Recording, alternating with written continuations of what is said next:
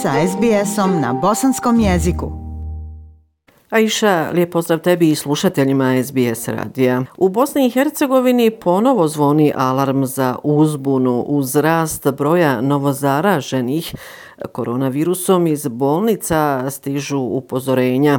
Covid odjeli su popunjeni pa su u bolnicama prisiljeni zbog sve većeg priliva pacijenata otvarati dodatne prostore. Tako je u svim većim kliničkim centrima u Sarajevu, Mostaru, Tuzli, Banjoj Luci, Zenici, Bihaću i tako dalje. 7. septembra krizni štab Federalnog ministarstva zdravstva predložio je produženje aktualnih epidemioloških mjera za narednih 14 dana na području Federacije Bosne i Hercegovine. Na području Federacije vladama je predloženo da same mogu donositi restriktivnije mjere ukoliko se situacija pogorša. Dakle, to se odnosi na kantonalne vlade. Slično mjerama u Federaciji eh, i štab civilne zaštite Republike Srpske je produžio mjere zaštite u narednom periodu u Republici Srpskoj. Pogoršana je epidemiološka situacija i u kantonu Sarajevo, a članice kriznog štaba Ministarstva zdravstva kantona Sarajevo Aida Pilav i Aida Pitić su održale u Sarajevu 8. septembra vanrednu preskonferenciju. One su istakle da je pogoršana epidemiološka situacija u kantonu i apelovale na građane da se vakcinišu, naglašavajući da je to jedini način da se zaštiti zdravlje tokom pandemije. Direktorica Zavoda za javno zdravstvo kantona Sarajevo, Aida Pilav, izrazila je zabrinutost navodeći da su 6. septembra zabilježena 62 novo otkrivena slučaja zaraze koronavirusom, dok ih je upravo 7. odnosno 8 septembra evidentirano 172. E, također e, raste i broj smrtnih e, slučajeva. Direktorica Zavoda za javno zdravstvo kantona Sarajevo, Aida Pilav, govorila je i o značaju vakcina. Poslušajte Aidu Pilav. Do sada ukupni udio vakcinisanog stanovništva iznad 18 godina ukupno uvažavajući, dakle ukalkulirajući one naše sugrađane koji se vakcinisali van kantona Sarajeva, dakle potpuno vakcinisano ili imunizirano je 27,4% stanovnika, dakle da su primili jednu i drugu dozu, a ukupan broj do sada apliciranih doza u kanton Sarajevo 167.850 i mm, bili bi jako sretni dakle kada bi dostigli da u nekom periodu dakle taj evo da kažem 50% obuhvat za, u nekom, nekom kraćem periodu. Epidemiologa Ida Pitić je također na ovoj preskonferenciji govorila o značaju imunizacije i naravno kazala je da je poštivanje epidemioloških mjera nešto što je obavezno, kako kaže Aida Pitić, ništa nas ne košta da nosimo maske i držimo distancu od 2 metra. Evo poslušajte i Aidu Pitić. Ono što stalno ponavljamo čekajući neke obećane vakcine, mi gubimo vrijeme da steknemo svoj sobstveni odbrambeni alat, dakle da, da vakcinom steknemo određeni nivo antitijela koji će nas zaštititi od infekcije. Dakle, zaštitit će naš život i ukoliko dođete u kontakt sa virusom, spriječit će tešku kliničku sliku i neželjene efekte. Pitanje je zaista hoće li Bosna i Hercegovina dobiti COVID pasoše. Ono što je izvjesno da traju e, konsultacije vlasti i stručnjaka. Uspostavljanje pravnog okvira za sistem digitalne potvrde u Bosni i Hercegovini radi olakšavanja slobodnog kretanja građana tokom pandemije koronavirusa trenutno je u fazi konsultacija unutar Ministarstva civilnih poslova Bosne i Hercegovine koje ima koordinaciju koordinacionu nadležnost u području zdravstva. Uz učešće Agencije za identifikacione dokumente, evidenciju i razmjenu podataka, odnosno ideja Bosne i Hercegovine. No ovaj proces još nije okončan, a e, kažem pitanje je i da li će biti jer i kada bi se uspostavio pravni okvir, teško je pretpostaviti da li će odluka biti usvojena budući da je potrebna saglasnost Vijeća ministara Bosne i Hercegovine, a kako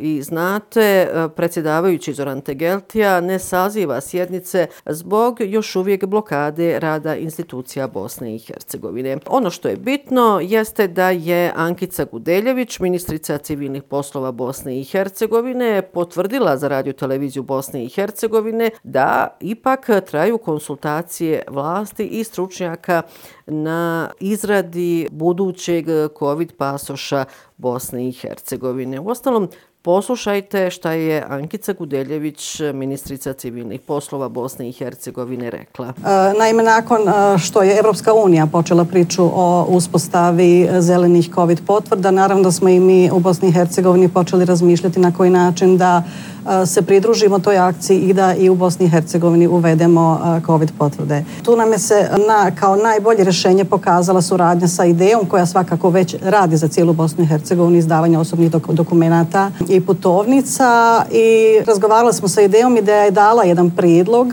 kako bi to bilo najjednostavnije riješiti.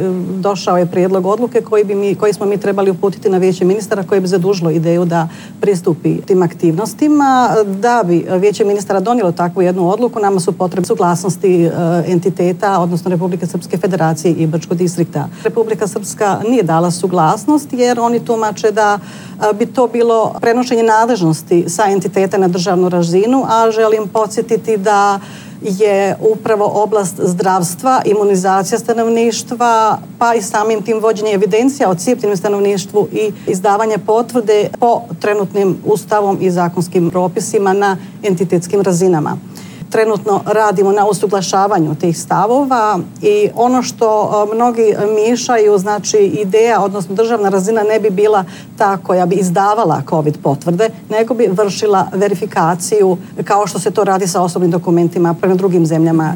Međutim, ne smijemo zaboraviti da državna razina ne može izdavati COVID potvrde jer mi ne vodimo evidenciju, odnosno nemate nijedne institucije na državnoj razini koja vodi evidenciju o cijepljenim. Te se evidencije vode na entitetima, odnosno u domovima zdravlja na mjestima gdje se vrši cijepljenje. Ono što je vrlo bitno, to je da entiteti Republika Srpska i Federacija, kantoni, županije, tako i Brčko distrikt moraju imati ažuriranu i uspostavljenu digitalnu bazu podataka koja je preduvjet za bilo koju e, daljnu aktivnost. 11. septembra u Sarajevu su održani novi, do sada najmasovniji protesti zbog toga što još nisu rasvjetljeni slučajevi stradanja mladića Dženana Memića iz Sarajeva i Davida Dragičevića iz Banje Luke. Ovo su 20. protesti i rekoh do sada najmasovniji zato što su u Sarajevu uz građane glavnog grada Bosne i Hercegovine na ovim protestima bili prisutni i brojni e, građani iz e, ostalih gradova Bosne i Hercegovine. Podsjetiću, Dženan Memić je u noći februara 2016. godine stradao u Iliđanskoj Velikoj aleji, a tom prilikom sa njim je bila i Alisa Ramić.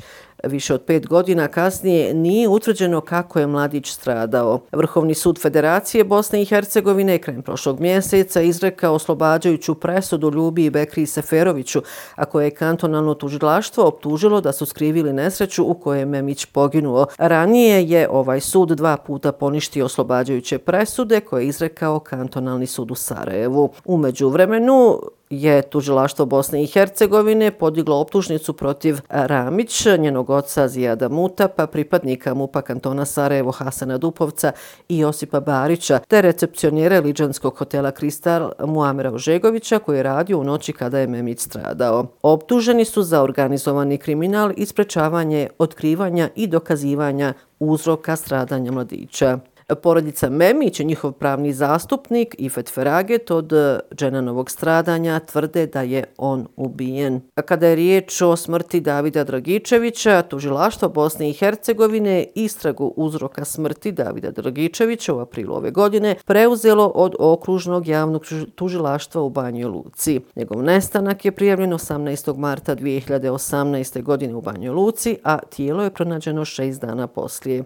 Od tada pa do danas porodica Dragičević tvrdi da je David ubijen te da to institucije prikrivaju. Ono što je zajedničko, Aisha, jeste da porodice Memić i Dragičević, koje se godinama bore protiv kako kažu, korumpiranog sistema i pokušavaju dokazati da su njihovi sinovi Dženan i David ubijeni. Upravo zbog toga su i organizovani ovi veliki protesti u Sarajevu, kako rekoh, 11. septembra. Aisha, zaista ovo ljeto je bilo izuzetno toplo. Organski proizvođači, ali i ostali poljoprivrednici pretrpjeli su ogromne štete zbog najveće suše u Bosni i Hercegovini u posljednjih nekoliko decenija. Predsjednik Saveza Organsko federacije Bosne i Hercegovine, Sead Herceg, poručuje kako su svi poljoprivredni proizvođači imali više od 60% štete u proizvodnji, te da nistočarstvo nije pošteđeno. U više navrata napominjali su, dakle, iz uh, Saveza Organsko federacije Bosne i Hercegovine, da vremenske nepogode najviše sputavaju poljoprivrednu proizvodnju, bilo da su u pitanju poplave, snijeg, mrazevi ili suše, kao što smo imali slučaj ove godine. Ipak, neadekvatna institucionalna rješenja dodatno otežavaju posao poljoprivrednicima, to je kazao predsjednik Saveza Organsko Federacije Bosne i Hercegovine. Ovom informacijom da su BH poljoprivrednici pretrpjeli enormne štete zbog izuzetne suše, završavam ovo sedmično javljanje iz glavnog grada Bosne i Hercegovine. Još jednom vam lijepe pozdravi iz Sarajeva, šalje se Emre Duranović-Koso. Like, share, comment. Pratite SBS Bosnian na Facebooku.